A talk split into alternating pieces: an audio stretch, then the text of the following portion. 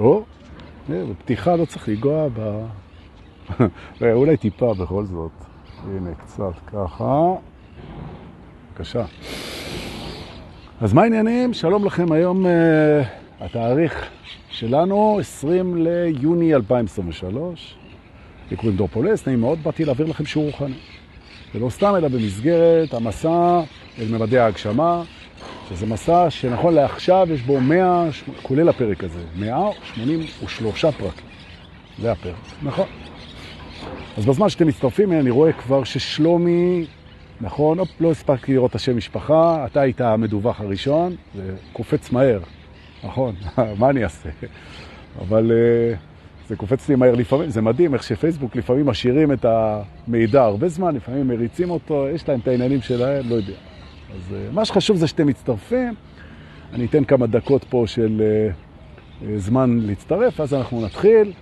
לרוץ עם הדבר הזה. אה, אני רק אזכיר שלבקשת הקהל, אני נענה בשיעורים האחרונים לנושאים שמעניינים אתכם, שלא רוצה להגיד מטרידים אתכם, אבל נגיד שמעסיקים אתכם, למרות שיש אנשים שזה גם מטריד אותם. אה, נכון, ואני משתדל איכשהו אה, להגיב לדבר הזה. אז באמת היו הרבה שאלות לגבי כל מיני נושאים, ואני היום אה, בוחר נושא שהוא נושא מקסים, מקסים, מקסים, ואני אענה עליו, ואני מקווה, והנה יובל רווה העלה אותנו לקבוצה, שלום לחברי שדות האמת הנצחית של הטרנס. והנושא הוא גם קשור אה, בצורה די חזקה למה שאנחנו נעשה במרתון מדריכים, ב-15 ליולי, אם עוד לא נרשמתם אז אצל שרון רותם. אה, רק אנחנו, בגלל, שב, בגלל שבשידורים יש הרבה אנשים שהם לא מדריכים והרמה היא פחות אה, מזוקקת, אז אנחנו לא נלך אה, לקונסטלציות, תכף אני אסביר, אלא אנחנו נשב על הנושא עצמו. והנושא הוא התגובתיות, תגובה. וזה קשור לאלה שאוהבים לעשות סדר, ותכף אני אתחיל ואני אסביר, והכל, אבל זה קשור נורא למשחקי השליטה שלנו עם החיים. על מה יש לנו שליטה, מה בשליטתנו, מה לא בשליטתנו. וכל המשחק הזה של איך אני משפיע על חיי, זה פרק שמעניין המון אנשים, והמתנוד, או אם תרצו, הטווח תנועה, בין התמסרות מוחלטת לכל מה שיקרה, הכל נעשה בדברו, אני רק אה, עלה שצף על הנהר, אם תרצו, לבין אה, בריאת מציאות אקטיבית. אז המתנוד הזה הוא מאוד מעניין, המנעד הזה הוא מאוד מעניין את האנשים. כאילו, על מה להשפיע, על מה לא להשפיע, איך להשפיע, מה להשפיע, אוקיי. ואנשים יש להם קטע חזק עם נושא של שליטה בחיים שלהם בעיקר, רוצים לדעת אה, מה אפשר לעשות ומה אי אפשר לעשות והכל, וזה אני מוצף בשאלות מהדבר הזה, ושאלות נהדרות. רוצה להגיד תודה שאתם מבקשים, כי זה מכוון אותי מה מעניין אתכם, ואני משתדל לגעת או לנגוע, שניהם נכונים, אה, בנושאים שאתם מבקשים. אז בואו נתחיל. צהריים טובים, באמת כיף. אה, אז מה אמרנו היום? פרק 183, משהו כזה. אני חושב 183, אולי 182, במסע לממדי הגשמה, ואנחנו מתחילים לדבר על תגובה. טוב, בעצם, וכשאני אומר בעצם, זה אומר שאני מכוון למהות, ומהות היא אמת, ואמת היא לא משתנה, ואם היא יכולה להשתנות, אז היא לא אמת, ולכן כשאומרים בעצם, מתכוונים למהות. אוקיי? בעצם, אנחנו נעים בחוויה שלנו, בחוויה אנחנו נעים תכלס מול שלושה מסכים. מסכים, מסכים של הכרה, של מודעות, אם תרצו. המסך הראשון והמוכר ביותר הוא המסך החוויה, מה שאנחנו רואים, דרך החושים, דרך החושים. אנחנו פוגשים את המציאות החושית, ולא חשוב כרגע כמה היא מציאותית, זה לא הנושא פה היום. אנחנו פוגשים אותה דרך החושים, אנחנו רואים, שומעים, מרגישים, מריחים, וזה נותן לנו בעצם מסך מסוים של חוויה, וזה בהווה. אנחנו חווים בהווה, מסך אחד. ואנחנו חיים מול המסך הזה, בתוך המסך הזה, עם המסך הזה, איך שאתם רוצים. יופי. המסך השני שאנחנו חיים בו בעצם, זה מה שאנחנו קוראים הקרנה, כן? אנחנו בעצם מקרינים את התפיסה הפנימית שלנו, ואני אתן דוגמה, כן? שזה כבר הסובייקטיביות. זאת אומרת, בעצם אתה יכול לצאת לשמש ואין ספק שעכשיו עמדת בשמש. לפני זה היית בצל, עכשיו אתה בשמש. כן? או אני עכשיו יושב בפארק ירקון, אז אני אומר, בהקרנה החיצונית, מה שדיברנו מקודם, אני יושב בפארק ירקון, או אנחנו חיים בישראל, או אוקיי. עכשיו יש את ההקרנה הפנימית, שהיא הקרנה סובייקטיבית, שזה כבר עושה טייק על הדבר הזה, ובעצם אני נותן את התפיסה הסובייקטיבית שלי על השמש הזה. אז אני אומר, וואו, איזה שמש מסנוורת, איזה שמש חורכת, איזה שמש נעימה, איזה שמש מלטפת, ובעצם החוויה שלי היא כבר לא רק אני בשמש, אלא איך אני בשמש. ועכשיו הסובייקטיביות מתחילה להיפתח, וכמובן היא נפתחת מהר וגדול, הכל קורה באלפיות שנייה, וזה מחלק את זה להמון חלוקות פנימיות, שזה הכל סובייקטיביות. האם זה נעים לי, לא נעים לי, טוב לי, או רע לי, מוכר לי, לא מוכר לי, מסוכן לי, בטוח לי, והמיינד, שהוא בעצם המחשב, המנהל, את הפעולות, הוא מריץ את זה מהר, והוא מייצר חוויה סובייקטיבית. כשאתה יכול לבוא ולהגיד שאובייקטיבית אתה בשמש, וסובייקטיבית זה החוויה שלך בשמש. אוקיי. כנ"ל כל דבר. אתה יכול להגיד, הנה, למשל, אתה יכול לשאול את עצמך כרגע, אתה אומר, האם אני מרוצה בעבודה שלי? אז הוא אומר, ת, תחשוב מאיפה אתה מביא את התשובה. האם אתה מביא את זה מהזיכרון שלך? האם אתה בודק כמה ימים מתוך כל הימים שעבדת שם היית מרוצה ואתה עושה ממצא סטטיסטי? האם אתה אה, מרוצה ביחס לאיך שאתה יכול להיות מרוצה? האם אתה מרוצה ביחס לאיך שאתה תופס את האפשרויות האחרות? זה הכל סובייקטיביות, נכון? מרוצה, מבסוט, חושש, מפחד, כועס, לחוץ, מתעצבן, זה, זה הכל מציאות של ההקרנה הפנימית של הסובייקט, ואז בעצם זה מתכתב עם איפה שאתה נמצא בחושים. נכון. אגב, גם כאב, כי אתה יכול להגיד שהכאב שלך הופך לסבל כי אתה מתנגד לו, אתה יכול להגיד שהכאב שלך הוא נסבל כי אתה מקבל אותו, אתה יכול להגיד שזה כאב חדש כי לא הכרת את זה, אבל מישהו אחר כן מכיר את זה, אבל העובדה, אתה יכול להגיד, כואב לי. נכון, כמה כואב, איך כואב, למה כואב, ממה כואב, והכל זה סובייקט. אוקיי, אז זה שני מסכים. חוויה חושית בהווה, שקשה להתווכח איתה, אנחנו יכולים להגיד, אנחנו כאן ועכשיו, וזה מה שאנחנו מרגישים, בסדר. וכמובן, שמה שאני מציג פה זה כמובן תפיסה, ואפשר לתפוס את זה אחרת, כן? לגמרי, אם זה לא, לא נראה לכם, אתם יכולים לחלק את זה אחרת. אז יש לנו את הראשון, החוויה החושית בהווה, השנייה זה הטייק הסובייקטיבי שלנו, מה שנקרא הקרנה פנימית. זאת אומרת, אני מקרין את הטייק שלי על המצב, והמקרן השלישי הוא המקרן שאני אוהב לקרוא לו מקרן הפנטזיה. מקרן הפנטזיה הוא בעצם המקרן של איך הייתי רוצה שזה יהיה. נכון. איך הייתי רוצה שזה יהיה. ואתם יכולים לבדוק איפה אתם נמצאים עכשיו, מה הטייק שלכם ואיפה הייתם רוצים להיות. נכון. ומה שיפה בשלושת המסכים האלה, שהאלגוריתם בתוך השכל הוא מאבד אותם במקביל, והוא נותן איזשהו מישמש כזה, הוא נותן איזשהו אה, קוקטייל כזה בין שלושת המסכים האלה, וזה ברור שמה שאני מלמד פה עכשיו הוא הפשטה מלאה, כי יש הרבה מאוד מסכים והקוקטייל הוא הרבה יותר מורכב משלושת אלה, אבל בשביל להבין את נושא התגובתיות, אז אני בחרתי לפתוח את זה על שלישייה. בקורס מדריכים אגב, וגם במרתון מדריכים ב-15 ליולי, אה, אנחנו נראה את הקונסטלציות שבונות את המסכים האלה. זה רמה קצת יותר, יותר מסובכת טיפה, איך המחשבות בעצם יוצרות, יוצרות את הפורמטים האלה. אבל היום אנחנו לא ניכנס, אז שאלו אותי, כאילו, מה אני אעשה שם? אז אנחנו נפרק את זה ונרכיב את זה מחדש. כאילו. אבל פה אנחנו מדברים על שלושה מסכים פשוטים. תחשבו שיש לכם שלושה ערוצים בשלוש טלוויזיות. אחת החוויה החושית, שתיים זה הטק שלכם, שלוש זה הרצון איך שזה יהיה. נכון. עכשיו, אנשים שמתעוררים, שזה אני מקווה אתם, או אנשים ערים, עוד יותר טוב, זה מה שאני רוצה שיהיה, אז הם עושים סינכרון, גם אנשים דתיים עושים את זה, והם אומרים, תראה, הרצון שלי, איך שהדברים יהיו, אני אגיד לך איך אני רוצה שהדברים יהיו. אני רוצה שהם יהיו כמו שהם. נכון. אז מחברים את הרצון, או את הפנטזיה, על מה אני מפנטז? על הדברים ככה. נכון? זאת אומרת, הרצון שלי מסתנכרן עם המסך של החוויה, ואני אומר, ככה אני רוצה את זה.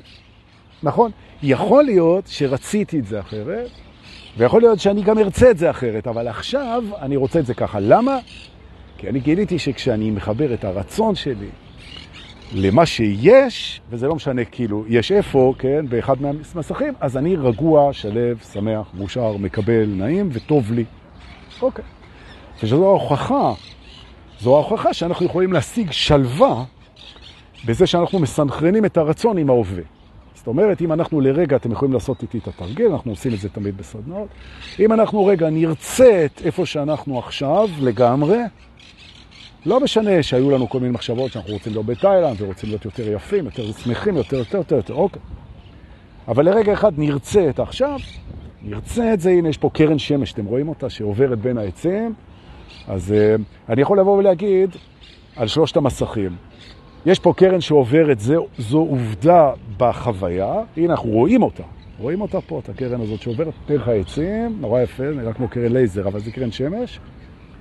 זו עובדה, עכשיו, אני יכול להגיד שיש פה קרן שמש שמפריעה לנו בפריים. זה כבר הקרנה פנימית, או לחילופין אני יכול להגיד שיש פה קרן שמש שחילקה את המסך לשני חלקים, חלק שבו אני נחמד וחייכני וחלק שבו אני קשוח ועצבני, וזה עולם פנימי שלי, והיא באמצע והיא באה לחלק. אז זו מציאות סובייקטיבית, נכון? והפנטזיה שלי זה שאני אדע... אה, לשלב כל דבר שקורה בהתאם למסר שאני רוצה להעביר, והנה זה קורה. אז הנה זה משתלב. אוקיי, שלושת המסך. אני מקווה שהעברתי את זה מספיק ברור לכם, כי אנחנו ניגשים עכשיו לעניין עצמו, שהוא התגובה. עכשיו, כדי שאנחנו נגיע לעניין של התגובה, שזה דבר מקסים. דבר מקסים. זה שיעור מקסים, אגב, יהיה כדאי לראות אותו גם עוד פעם, אני מציע לכם. זה שיעור מקסים, שהוא משנה, אם תרצו, הוא יכול לשנות את החיים לטובה, שזה כל הרעיון של ההתעוררות. אז בעצם אנחנו ניגשים אה, מהמקום של השליטה כדי לראות מה התפקיד של התגובה. ונתחיל ונבוא ונסכים שבתפיסה מסוימת, תפיסה מסוימת, אין לנו כל כך שליטה על מה שקורה בחוץ. זאת אומרת, לא על מזג האוויר ולא על הפוליטיקה ולא על איזה טילים האויבים שלנו ישלחו ולא לא איזה מזגן ייפול מאיזה בניין מתישהו ולא מתי איזה חורף יהיה. לנו כל כך שליטה, לא על הטבע ולא על אנשים אחרים ועל מה שהם יעשו ומה שהם יגידו ומה שהם ירצו, אנחנו אין לנו. נכון. אם השכן שלך מלמעלה פתאום אה, החליט שאתה מטפטף לו מיץ זבל במדרגות, למרות שזה לא אתה, והוא אה, מפתח עוינות כלפיך, אז אין לך כל כך שליטה על זה שהוא... אתה אפילו לא יודע מזה. כאילו, נכון. ויום אחד הוא פותח עליך פה, הוא אומר לך, אתה, אתה, בגללך, הכל מסריח. לא, לא, אדוני, אני... זה ממש לא אני, ורק אחר כך. מתברר שזה בכלל אשתו עשתה את טוב. אבל בעצם מה שאני מנסה להגיד זה שליטה. אין לנו שליטה אם יפטרו אותנו מחר. אה, אה, הנה השמש, היא משנה גם את הפוקוס, תראו איזה יופי, כי היא נכנסת למצלמה רגע, אז אני אזוז, הנה. טוב. הנה, לא היה לי שליטה על זה. פתאום הקרן נכנסה לתוך המצלמה ושינתה את הפוקוס. אין לי שליטה על זה. ובאיזה שעה תהיה הזריחה, ומתי תהיה זה, ומתי יהיה הגאות, ומתי יהיה השפל, ועם איזה חברים הילד שלי יתרועע, ומה הוא ילך לעשות בצבא, ומתי יעשו לי אה, שדרוג בעבודה, או יפטרו אותי, או אם אני חולה חס וחלילה, או משהו כזה, או זקן, או צעיר, או אין לך יותר מדי כאילו שליטה. או בכביש, אם מישהו יחליט לעבור באדום ולעשות איתי תאונה, יחליט, או בטעות, אין לך שליטה. וההכרה בזה שלא נצליח להשיג שליטה על מה שקורה בעולם החווייתי החיצוני בחוץ, היא אחת מההכרות הכי חשובות בדרך. כי אז אנחנו בעצם מגלים שהאגו הוא כל הזמן מנסה לסדר את המציאות החיצונית כדי לקבל תחושת ביטחון, ואי אפשר. זאת אומרת, גם אם יהיה לך הכנסה טובה ואישה טובה ובית טוב והכל בסדר וזה וזה, עדיין יכולים לקרות לך מיליון דברים שאין לך עליהם שליטה, ולכן אתה לא יכול להיות בטוח. ביטחון לא יכול לבוא אה, בצורה מלאה, בוודאי, משליטה על עולם חיצוני. אוקיי, אין לך את זה, נכון. ולכן אתה עושה בחוץ, כמיטב יכולתך, ועושה את הפעולות שנראות לך הכי חכמות, הכי טובות, הכי הוגנות, הכי... לומד את השיעורים, מפיק את הלקחים, משתפר, חי ומת והכל בסדר. אבל... או. והאבל הזה הוא הכניסה אל תוך השוס. על שני המקרנים הפנימיים, לצורך העניין שלנו, שזה התפיסה הסובייקטיבית, מקרן אחד, שהיא מאוד קשורה לחוויה, ועל המקרן של הפנטזיות והרצונות, שזה אותו המקרן בעצם, של איך שאתה רוצה שהדברים יהיו, או מפנטז שהם יהיו, או חולם שהם יהיו, גם על זה יש לך שליטה. או. עכשיו, מה שיפה, ופה אנחנו הולכים ומתקדמים אל השוס. אל השוס. מהו השוס? השוס, ואני נותן אותו כבר, ואחרי זה אני אסביר למה הוא נכון. שהכי הרבה שליטה על מה יקרה לנו בחיים, לפי התפיסה שאני מציג פה עכשיו, הכי הרבה שליטה נמצאת, ואין לנו שליטה, נמצאת בתגובתיות שלנו. או במילים אחרות, מי שמסכים לקבל את התפיסה שהחיים זה בית ספר שלאט לאט פותח לנו את מה שאמיתי בתוכנו, או אם תרצו, מחבר אותנו אל הנצח, או אל האלוהות, או אל האבק, או אל היקום בתוכנו, אז אם אתה מוכן להסתכל על החיים כמקום שבו אתה לומד להיות יותר ויותר אמיתי עם עצמך, ויותר קרוב לבוראך, שזו תפיסה ידועה, אז התגובה שלך אל העולם החיצוני, תכף אני אתן דוגמאות, היא מאוד מאוד משפיעה, אולי יותר מכל דבר אחר, על מה אתה תפגוש. זאת אומרת, אני לא מביא את זה מקטע של שליטה, אני מביא את זה מההכרה שאין שליטה, אבל יש השפעה. או... ולכן, גבירותיי ורבותיי, האהובים והנחמדים מאוד, אנחנו קודם כל צריכים להבין, שליטה על מה יקרה לנו בחוץ. אין לנו השפעה על מה יקרה לנו בחוץ. יש לנו, והיא תוצר של התגובתיות שלנו. איך אנחנו מגיבים לאירועים. או. עכשיו ניתן דוגמה, ולאט לאט זה יהיה יותר ויותר ברור. או, שלום גם לאיתן פרחי שהצטרף אלינו, איזה כיף שאתה פה. נכון.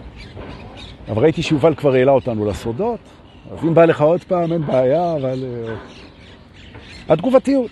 אז בואו נסתכל. לפני איזה עשרה ימים או שבועיים, לא זוכר, עוד לפני קפריסין בעצם, ריטריט קפריסין שחזרנו לפני. אז עוד לפני זה הגיעה אליי אה, מישהי, מאוד מקסימה, לסשן, אחד לאחד, והיא סיפרה לי שהיא מרגישה בתוך מערכת היחסים עם בעלה, שני ילדים, הכל בסדר, היא מרגישה שקופה. הם נשואים כבר איזה 17 שנה או משהו, היא מרגישה שקופה. שקופה.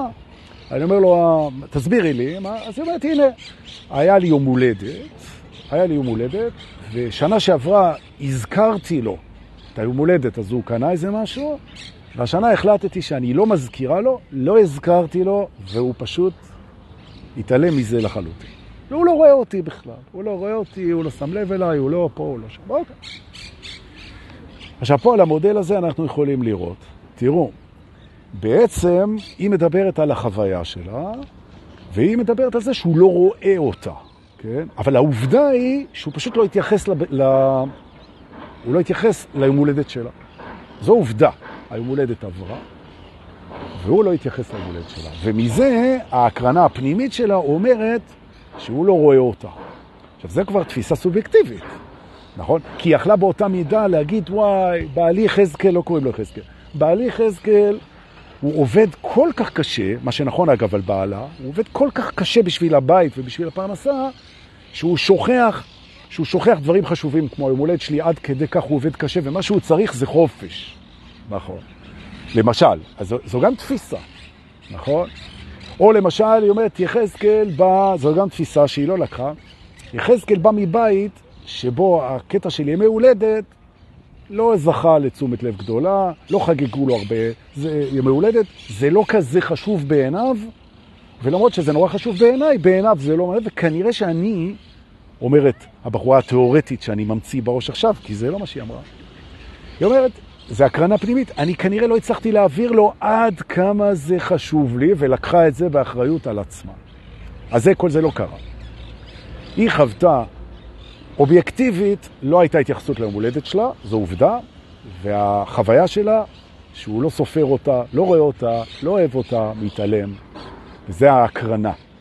כשהפנטזיה שלה זה גבר שיסגוד ליום הולדת שלה ויישא אותה על כפיו כמו המלכה שהיא. אוקיי.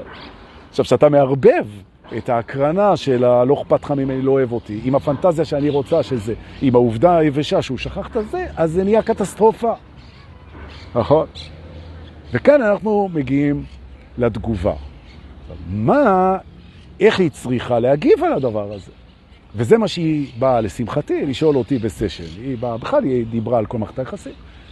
ואמרתי לה, תראי, זה, קודם כל בואי נכיר את, ה, את הדבר הזה, נפריד בין הממצא היבש, האובייקטיבי, לבין הטייק שלך, לבין הפנטזיה שלך, ונפתח את זה, ונסגור את זה בצורה שתעשה לך טוב, במקום שזה יעשה לך רע, וזה יוביל לתגובה שהיא תשנה את הדברים בחוץ לטובה.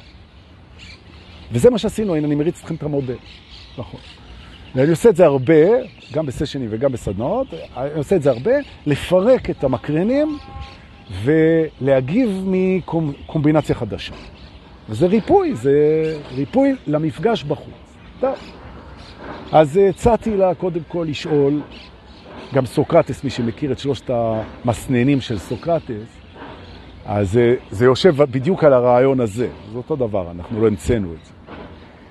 אז קודם כל שאלתי אותה, האם זה שהוא לא רואה אותה ממטר, שזו החוויה שלה, האם זו עובדה שלא אכפת לו ממנה, שהוא מתעלם ממנה? האם זה נכון עובדתית ש, שהוא לא אוהב אותה ולא אכפת לו ממנה? שאם ישאלו אותו, תגיד, מה עם אשתך? אז היא אומרת, מה פתאום? אם ישאלו אותו, הוא יגיד שהוא מת עליי, שאני האישה של חייו, שזה 17 שנה ביחד והכל. הוא יגיד שאני עם זה. אז אומר, אז מה, אז כשהוא אומר לחברים שלו שהוא אוהב אותך והכל, אז הוא, אז הוא משקר? כן, אבל אם הוא היה אוהב אותי, אז הוא היה זוכר את מה שחשוב לי. זו הקרנה סובייקטיבית. מי קבע שאם אתה אוהב מישהו, אתה זוכר מה חשוב לו? זה, זה לא נכון, זה יכול להיות נכון, זה יכול להיות לא נכון. זו לא אמת. אוקיי. זה, תמיד צריך לזכור את זה. יש הבדל בין פרטים יבשים, כן? שלום לכם. הלאה, תודה רבה. אני פה בשידור פשוט. אז אה, בין הפרטים היבשים לבין הטייק על זה ובסוף הפנטזיה. נכון?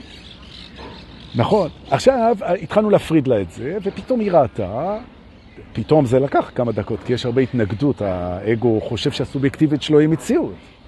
אז תעשו יחד איתי. כשאני אומר, ישראל ארץ אוכלת יושביה, אז אה, לא בטוח שזה נכון. לא בטוח שזה נכון. זאת אומרת, זה שיש פה תאונות ויש פה מלחמות ויש פה אה, שחיתויות ויש פה, יש את זה בהרבה מדינות. וכשאנחנו חיים בתוך איזה משהו שבלתי נסבל ונורא ושחיתות שולטנית איומה ונכון, לא, זה, זה נורא, מאוד טייק. אתמול דיברתי עם רועי רוזן, דיברנו על זה שבעצם אנחנו מדינה פריבילגית.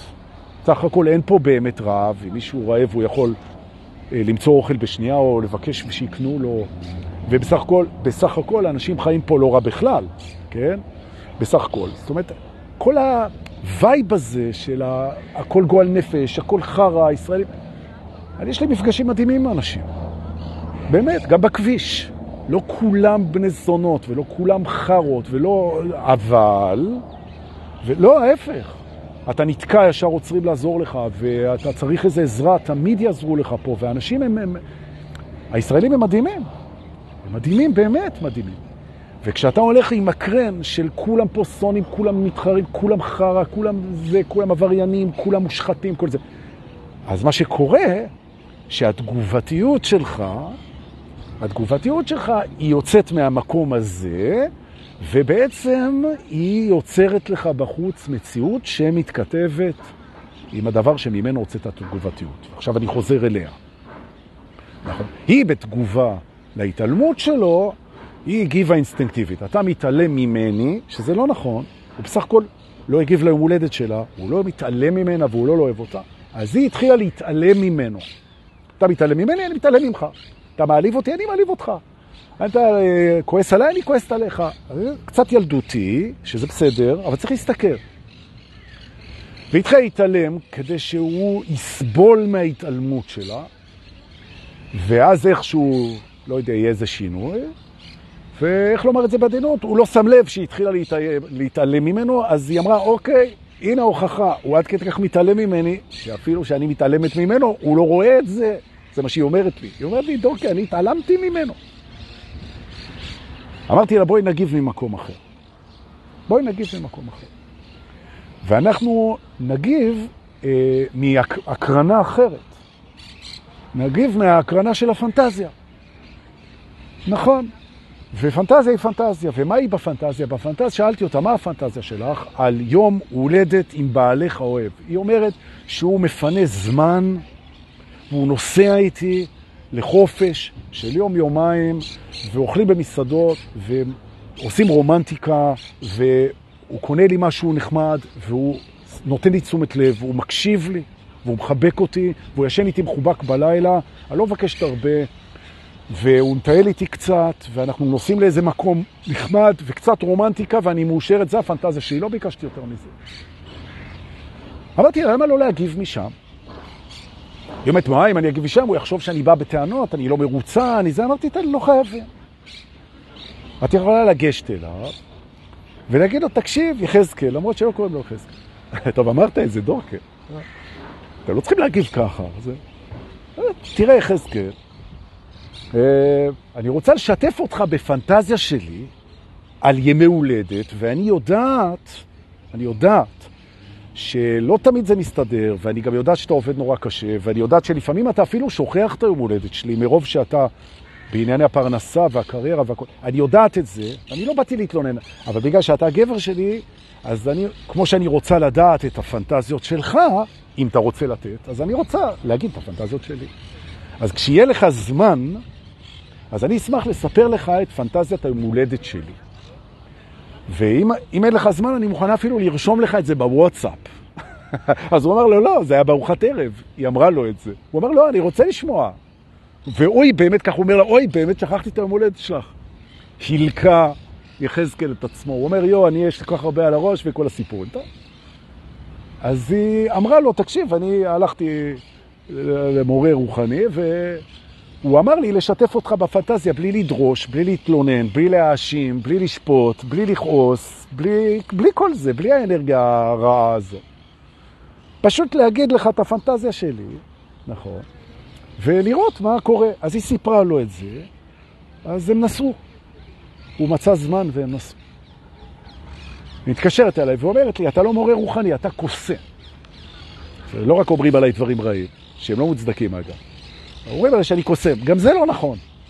אומרים עליי דברים רעים לא נכונים, ואומרים עליי גם שאני קוסם, גם זה לא נכון, אני לא קוסם.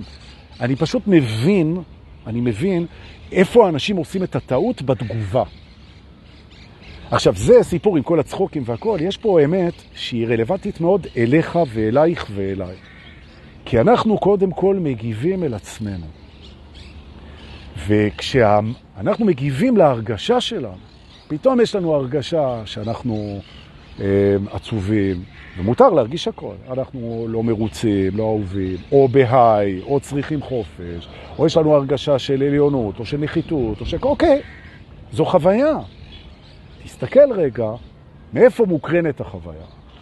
האם היא מוקרנת מבחוץ בשיקופים? האם היא מוקרנת בחושים? האם היא מוקרנת במסך התפיסה? האם היא בהשוואה לאיזה פנטזיה? מה בונה לך את הסיפור הזה בפנים?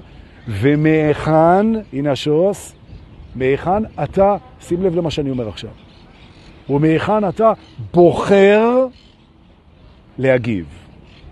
מהיכן אתה בוחר להגיב. והשוס הוא שאם אתה בחרת להגיב ממקום שהוא נכון לך, מה שאתה תפגוש בחוץ, איפה שאין לך שליטה, יהפוך ליותר ויותר מדויק למי שאתה באמת. וזו לא שליטה, זו השפעה. כי יש שיעורים שחייבים לעבור, ואתה לא תימנע מכאב ופחד ולחץ ומוות ואובדן וכל הדברים האלה. לשכוח מזה. התעוררות רוחנית היא לא תעודת ביטוח נגד כאב או פחד. בכלל לא. אבל תגובה ממקום מדויק בתוך המערכת היא משפיעה מאוד, מאוד על מה שאתה תפגוש. בוא ניתן עוד דוגמה. זו דוגמה שחביבה עליי. נכון. נכון, החיוביות מכילה את השליליות. כשהיא חיובית באמת. נכון. נכון, היא גם, היא גם מורכבת ממנה, אבל אני רוצה ללכת לעוד דוגמה. מאוד יפה, אתם מקשיבים. איזה כיף. אתה נכנס הביתה, והחדר של הילדים בבלגן מטורף. בלגן מטורף. אני אוהב לתת את הדוגמה הזאת. כן. נכון, כי אני נתקל בה כל יום. נכון, בלגן מטורף. הנה רגע, יש לנו את הקרן שמש, תנו לי רגע לסדר את זה לפני שנצא מפוקוס, לא שזה כזה נורא. יותר חשוב שתשמעו אותי. אוקיי, אתה חוזר הביתה והבית, אה, החדר של הילדים מבולגן נורא. עכשיו, כרגע זו עובדה, זה כאילו מציאות. הדברים לא במקום, יש ערימות של צעצועים ושל בגדים ושל כביסה ושל... משהו קטסטרופה. אוקיי. עכשיו, את המילה קטסטרופה, זה כבר המקרן הפנימי שלך אמר. אני לא יכול לחיות ככה, זה בלגן לא נורמלי, זה רגע אחד. קודם כל העובדה, העובדה, הדברים לא במקום שלהם, הם לא מסודרים לפי תפיסת הסדר שלך, נכון? הדברים הם לא איפה שהם צריכים להיות לפי איך שאתה תופס את זה. זו עובדה. אתה רוצה את הבגדים בארון, הם על השטיח. אתה רוצה את הכדורים בארון, הם על השטיח. אתה רוצה את הילדים בארון, אבל הם, זה הדח קשה, לא מורים, תעזבו. אבל הם על השטיח. צריך להצחיק את עצמי איכשהו. נכון. אבל דורקי, אמרנו, בלי החוש הומור שלך, הוא, אתה יודע, אנשים ש... אז אם מישהו נפגע מהחוש הומור, אז אני לא מתנצל דווקא. מה? מה קרה? זה לא הייתה כוונה שלי. מה? טוב. עכשיו עשית התנחתה של הפרעת קשב, תמשיך. חדר לא מסודר זו עובדה, אין בעיה. עכשיו, אם זה טוב או רע או מעצבן או קטסטרופלי או כישלון בחינוך או לא נורא או הכל, זו הקרנה פנימית. נכון. והפנטזיה שלך, הפנטזיה שלך שאתה נכנס, אז בכלל לא יודע מה הפנטזיה שלך לגבי שאתה נכנס הביתה, כל אחד והפנטזיות שלו, אני לא רוצה לזה, אבל בוא נגיד שזו לא הפנטזיה שלך להיכנס לחדר כזה. טוב. אולי הפנטזיה שלך שזה מדויק, שזה מסודר, אולי הפנטזיה שלך זה שזה יהיה משהו אחר, אולי אתה נכנס בכלל לבית אחר, במציאות אחרת, לא יודע. דבר אחד בטוח, ההקרנה מספרת לך את הטק שלך על המצב, המצב הוא המצב, והפנטזיה פנטזיה. ועכשיו אתה הולך לבחור תגובה. הדפוס שמנהל אותנו לפני ההתעוררות, ושם כך התכנסנו, כדי לשנות את זה.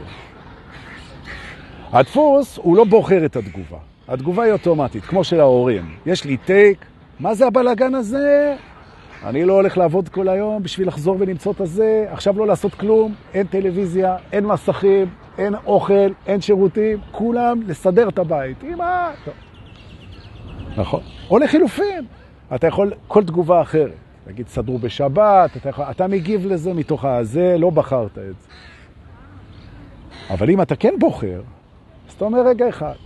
קודם כל, בוא נבדוק אה, ונראה שההתנגדות שלך למצב היא לא קשורה לבלגן, היא קשורה לטייק שלך על הבלגן, או לפנטזיה שלך, איך אתה רוצה לראות את זה שאתה נכנס.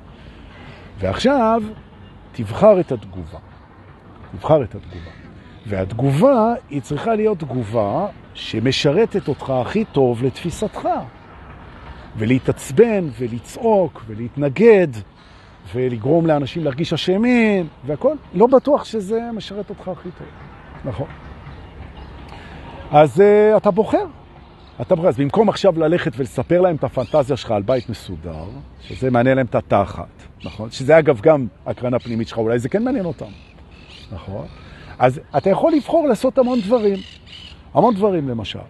ואחד מהדברים למשל, אתה יכול להגיד לעצמך את הדבר הבא. יש לי פה תרגיל עם עצמי, שאני אומר שכל ההתנגדות לבלגן זה הקרנה פנימית, ואני לא מוציא את התגובה משם. זה ככה, ואני אקבל את זה.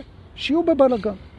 אין בעיה. אתה אפילו לא צריך לטבל את זה כמו שאני עושה, בשמחה לעד. אחרי זה הם לא מוצאים את המכנסיים. הבן מגיע, אבא, יש לי חוג כדורסל ואני לא מוציא את המכנסיים. אני אומר לו, הם שם, בתוך הערימה, סליחה, שאני יורק מהתלהבות. הם שם המכנסיים שלך, הם בתוך הערימה של הבלגן. אז הוא אומר, תחפש תמצא, ומה שמעצבן זה שהוא בשניות מוצא, אה, זה בערימה, הוא מפשפש בערימה, הוא מוצא את המכנסיים. כשאתה בשמחה לעד אומר, יופי, עכשיו שהוא יבין את היתרון של הסדר, שהם מוצאים מיד, וכשיש בלגן לא מוצאים מיד. נכון, אבל כשיש בלגן מוצאים דברים אחרים, וגם מי צריך למצוא מיד? מאיפה זה בא, מיד הזה? נכון. וכבר יש מחקרים שאומרים שחדרים מבולגנים הם מעודדים יצירתיות, ושסדר, מדרגת הסדר ועד דרגת ה-OCD, כן, שזה סדר כפייתי, זה הרבה פעמים לא חייב להיות הכי טוב. שהדברים מסודרים כל הזמן. שחופש מחשבה, של אפשורים, נכון? ופתאום אתה מוצא את עצמך עושה משהו אחר. לא מגיב בהתנגדות, נושם, נותן להם להיות עם הבלגן שלהם, אולי אפילו הולך ומסדר לבד, אתה אומר לעצמך, דורקה, זה כל כך מפריע לך, אז אם זה מפריע לך, אז אתה תסדר. זה כמו הסיפור על, ההיא, על המורה שאומרת לתלמידים, תעירו את החבר שלכם, הוא נרדם בשיעור, אז הם אומרים לו, את הרדמת אותו, את תעירי אותו. נכון? זה אותו דבר. זה בדיוק זה. אז אולי אתה תסדר. אז האגו אומר, מה, אני פראייר? לא, אתה לא פראייר, אתה פשוט למדת לא להגיב מהאוטומטים שלך, ולבחור מאיזה מימד אתה מוציא את התגובה בצורה מיטיבה. ואז מה שקורה, זה דבר מדהים. זה דבר מדהים. אתה פשוט תראה איך המציאות שאתה תפגוש, שאתה תחזור הביתה, הופכת ליותר טובה. לאו דווקא שאתה לא תראה יותר בלגן, אבל אתה תפגוש דברים שלא פגשת קודם. תנסו. זה מקסים. עכשיו, שלושת האירועים האלה, המפגש החווייתי, כמו שאני תופס אותו חושית, מה שהאגו אוהב לקרוא לזה מציאות, ההקרנה הפנימית, מציאות סובייקטיבית, והפנטזיה, הם כולם בעצם מחשבות. זה הכל דאטה, זה הכל אינפורמציה. ובקורס, בסמינר מדריכים שאנחנו עושים בשבת, ה-15 ליולי, אנחנו נדע איך פורמים את הדבר הזה, איך אנחנו, אנחנו נפרק את האלגוריתם של המחשבות של הדבר הזה, ונבנה את המסכים האלה בצורה חדשה, שהיא מתאימה לאנשים ערים. ומי שמדריך או מטפל באנשים, אז זה, זה מדהים, כי במפגש עם קוד חשיבה אחר, נוצר שינוי. נוצר שינוי, ובעצם כל ההתייחסות, אני אתן אפילו דוגמה פה למשהו שאיתו אנחנו נפתח שם, כשאתה אומר אני על עצמך, או כשאת אומרת על עצמך אני, תשימי לב שהאני הזה זה מכלול של מחשבות, שחלקו זה זיכרונות, חלקו זה רצונות, חלקו זה פנטזיות, חלקו זה... אבל, אבל האני זה מכלול של מחשבות. ומה מגדיר את המכלול הזה, מה יוצר אותו, מה מהנדס אותו, מה מנהל אותו, זה משהו שאפשר לשנות. או במילים אחרות, אפשר לעשות שינוי באני, באלגוריתם שמנהל את מחשבות האני, ומכאן אתה יכול לשנות בעצם את כל המפגש שלך עם כל מציאות. שזה מה שאנחנו נלמד לעשות, שאלו אותי כל הזמן, מה עושים, מה עושים? אחרי זה אנחנו נרקוד, כמו משוגעים. נכון. אז אה, תחזרו על הדבר הזה, תבודדו אצלכם, מי שזה מהדהד לו ומי שזה מתאים לו, את הפנטזיה, את ההקרנה הפנימית ואת החוויה החושית, ותבדקו כמה שיותר, אפשר גם בזיכרון, איזה תגובות יצאו ומאיפה, ותגלו דבר מדהים, שכשהתגובות יצאו מהמקום שהרגיש לכם נכון, הבעיה במרכאות, או האתגר, או התופעה, היא קיבלה טוויסט, נכון? עכשיו, לא על קה ואענה אתכם בעוד דוגמאות, אני חושב שאתם הבנתם את הרעיון הזה, נכון? אז אה, אם זה שירת אתכם, אתם רשאים להפיץ את הסרטון הזה, ואם לא, אז אני אתאמץ יותר בסרטון הבא, מבטיח. רוצה להגיד תודה ליובל רווה ולשחר רחל שמעלים אותנו לרשתות, ולאיתן פחי ש... ולשרון רותם שיחד איתי עובדים אה, על, המ... על המרתון מספר 5 של המדריכים. אה, שזה מאוד מרגש, שוב לפגוש את כל האנשים עם חוטי הזהב וללמוד את הדבר הזה, אה, וגם את, אנחנו נלמד גם את המטאפורה האוטומטית, שזה גם משהו שהוא כלי מאוד חזק. בקיצור, התרגשות גדולה, ממש, וזה הרבה בזכותכם. רוצה להגיד תודה לכם שבאתם, חיבוקים ונשיקות, ואנחנו נתראה בלייב הבא, מבטיח. להתראות.